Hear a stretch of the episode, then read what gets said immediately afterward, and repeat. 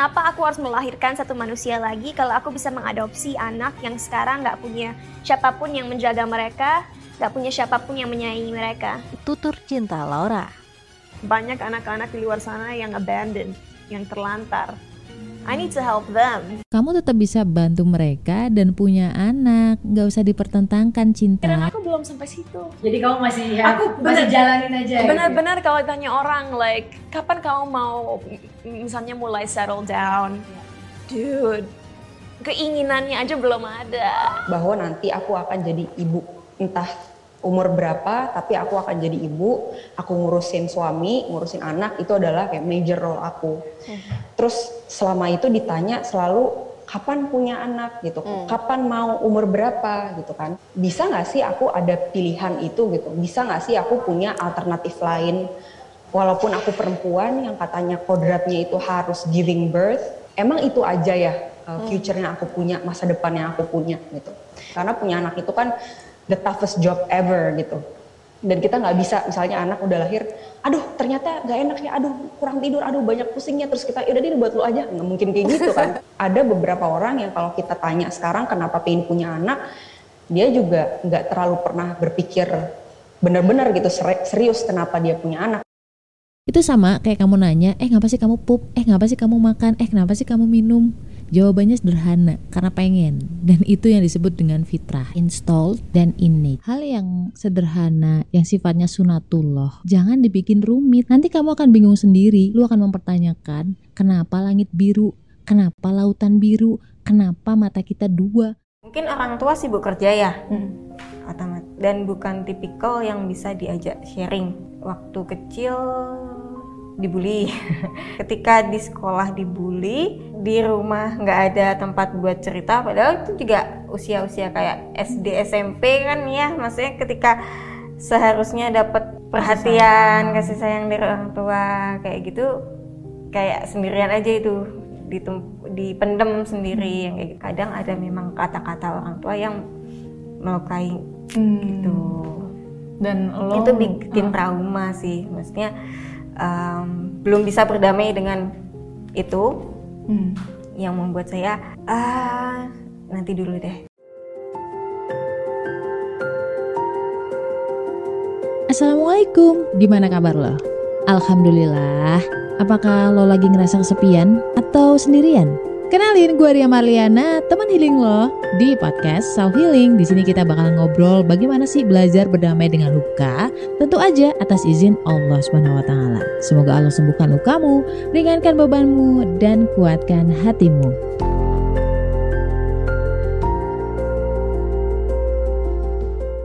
Adabnya Islam tuh nggak boleh kita kepo nanya-nanya alasan seseorang memilih sesuatu atau berkehendak sesuatu. Contohnya dia child free. Eh kenapa sih lu child free gitu? Jangan kepo, jangan nanya kayak gitu kecuali orangnya memang berkenan untuk share itu sendiri. Butuh menggali lebih dalam alasan seseorang nanti kamu bisa melihat sebenarnya apa yang dia rasakan. Kalau dari kita Saf, gue sering banget ngomongin tentang ini sih. Sebenarnya dia punya background pengalaman dari kecil sampai besarnya dia sampai setua itu setua itu tua gue kali ya. Dulu dia selalu didoktrin dan didogma untuk nanti ini ini ini. nih. Sebenarnya bukan masalah apakah memang orang tuanya atau orang-orang sekelilingnya terlalu memaksakan. Itu kan kembali lagi juga ke watak aslinya si Gita Savitri. Bisa jadi nih orang lain atau anak lain yang punya orang tuanya si Gita tidak merasa dipaksa. Nah, si kita ini karena wataknya watak pembawaannya memang di satu sisi dia harus nurutin gitu ya. Tapi di sisi lain sebenarnya dia juga punya watak rebel. Punya sifat rebel yang belum keluar. Nah, dia keluarkan di saat ini ketika dia sudah menikah, ketika dia jauh dari Indonesia, dari rumah. Dia butuh untuk menjadi diri dia yang nggak bisa dipaksa, yang sesuai mau dia. Ada background pengalaman masa kecilnya dia. Dan untuk Cinta Laura ini agak unik karena sebenarnya dia tidak bilang bahwa dia itu child free. Dia hanya bilang bahwa saat ini belum kepikiran aja. But anyway, gue bisa nangkep bahwa si Cinta Laura tuh lagi asik-asiknya ngebangun branding dia yang berbeda dengan branding dia di waktu lu- dulu ya. Yang becek lah, inilah ojek lah dan kawan-kawan. Jadi dia masih ada tanggung jawab di situ. Dia masih pengen mengelarkan, mengelarkan, menyelesaikan ambisinya yang itu. Nanti kita akan bahas Cinta Laura di video yang lain ya.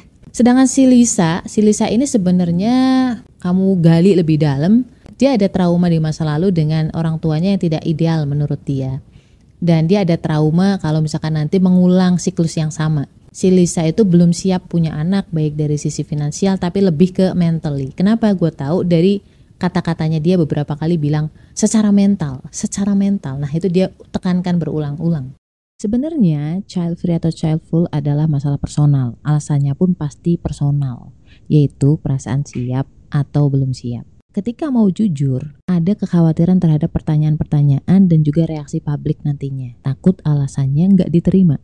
Sehingga mereka membangun alasan-alasan yang seolah masuk akal. Lo nggak wajib menjelaskan apa pun kepada setiap orang akan pilihanmu. Karena orang yang mencintaimu pasti akan tetap menerimamu. Orang yang membencimu akan tetap menolakmu sebaik apa pun alasanmu. Yang mesti diingat bahwa setiap pilihan lo akan menjadi tanggung jawab lo di hadapan Allah nanti. Ini urusan kita dan Allah. Orang yang pengen punya anak juga alasannya bisa dibilang tidak lepas dari egois juga gitu. Kenapa? Karena kan ada orang yang pengen punya anak karena nanti di masa tuanya ada yang nemenin, ada yang rawat. Gue kadang-kadang mikir, iya kalau hidupnya sampai tua gitu, gimana kalau enggak?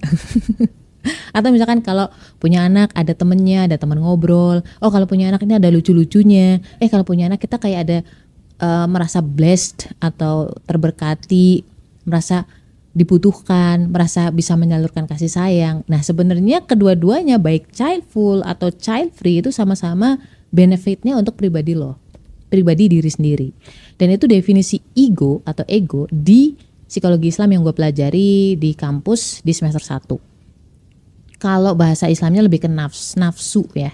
Kalau nafsu itu lebih ke menuruti hak pribadi lo atau benefit lo. Sedangkan kolbu itu nyuruh kita untuk memenuhi haknya Allah sebagai Tuhan kita, sebagai zat yang memberikan ruh atau jiwa kepada kita, yang memberikan hidup kita gitu. Kalau lu nanya, lu nanya. Pokoknya selama lu masih manusia, itu nggak akan lepas dari namanya ego memenuhi hak pribadi, betul? Yaitu itu lumrah dan itu termasuk dalam fitrah. Hanya saja nih ketika hak lo bertentangan dengan haknya Allah. Ada di surat Al-Asr. Demi masa sungguh manusia berada dalam kerugian kecuali orang-orang yang beriman dan mengerjakan kebajikan serta saling menasehati untuk kebenaran dan saling menasehati untuk kesabaran. Jadi di situ ada implisit tujuan hidup manusia itu apa? Yaitu dakwah. Misi agung kita diturunkan ke bumi, ke dunia, itu juga ada misi untuk mengingatkan atau mengenalkan Allah kepada orang di sekeliling kita, kepada generasi di bawah kita, sampai dengan hari kiamat. Itu udah menempel, itu bukan fardu kifayah. Fardu kifayah itu artinya kalau misalkan satu orang sudah menjalankan, maka gugurlah kewajiban kita. Enggak. Itu menempel di kita. Masing-masing orang menjadi seorang dai it doesn't mean bahwa kamu harus jadi seorang ustadz. Enggak. Enggak enggak kayak gitu. Ketika lo menjadi baik ketika lo menjadi orang yang amanah orang kan bakal tertarik sama lo. Terus mereka akan melihat background lo. Kenapa sih orang bisa segitunya? Kenapa sih orang bisa sebaik itu bisa sesabar itu kenapa sih orang bisa se smart itu setenang itu menjalani hidup terus mereka mulai kepo eh gimana ya caranya kenapa bisa sangat tenang kayak gitu Nah, di situlah lo mulai menjelaskan bahwa ini karena Allah Subhanahu Wa Taala. Di situ juga ngenalin gitu. Kan dakwah itu bukan hanya ngomong by verbal ya, tapi dengan show them. Gak harus selalu dengan kata-kata bulat-bulat, muluk-muluk, yang pakai ngingglis-ngingglis. Gak harus kayak gitu cinta. Lo menunjukkan keindahan Islam. That's fine. Allah itu pengen setiap manusia itu kenal sama Allah biar merasakan ketenangan bukan hanya di akhirat tapi juga di dunia. Jadi menjalani hidup tuh enak gitu, enteng gitu loh. Fokus aja untuk ibadah, fokus untuk belajar, fokus untuk menjadi orang yang lebih baik, orang yang bisa bermanfaat, gitu-gitu. Dan ketika lo punya anak, ini adalah misi agung ketika lo mengenalkan ke anak lo tentang Allah, mengenalkan kasih sayang Allah. Terus anak-anak lo juga menjadi orang yang berkasih sayang. Akhirnya mereka mengenalkan atau menunjukkan kasih sayang mereka yang dari Allah itu ke orang lain. Selanjutnya terus sampai orang-orang di hari kiamat. Karena Allah tuh mau semua manusia di dunia ini sampai hari akhir itu masuk ke surganya Allah.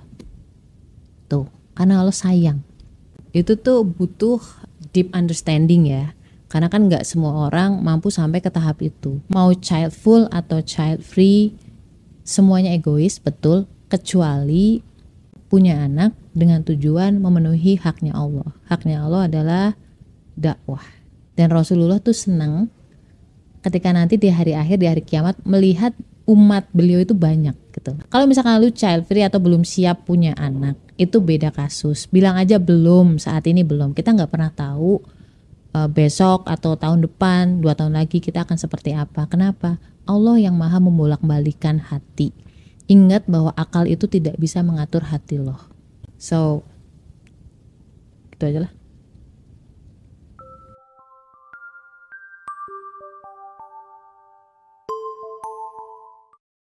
karena kita percaya Tuhan karena apa pun apa pun yang sudah diberikan sama Tuhan udah pasti Tuhan juga sediakan ketika mereka tidur bulat ada wajahnya Tuhan di situ. Ketika kita salah dia tetap maafin kita gitu. Dia tetap yang aku sayang mami kayak Hal yang bikin golongan darah B itu terjebak di toxic relationship. Pertama, golongan darah B itu cepet banget menyimpulkan kayak ih orangnya baik ya, ih orangnya tulus ya sama aku. Yang kedua adalah dia mengira orang lain tuh kayak dia. Jadi dia kalau sayang kan tulus total gitu kan. Dia pikir orang lain juga akan berlaku hal yang sama ke dia. Tiga adalah dia merasa bertanggung jawab atas perasaannya si pasangan. Kenapa sih golongan darah B itu pelupa, susah banget ingat nama? Orangnya juga cuek, nggak pekaan, nggak perhatian. Kenapa coba? Bedah itu semua dari buku cerita tentang karakter golongan darah B dengan judul Beauty in a Beast. Order sekarang, link di bio ya.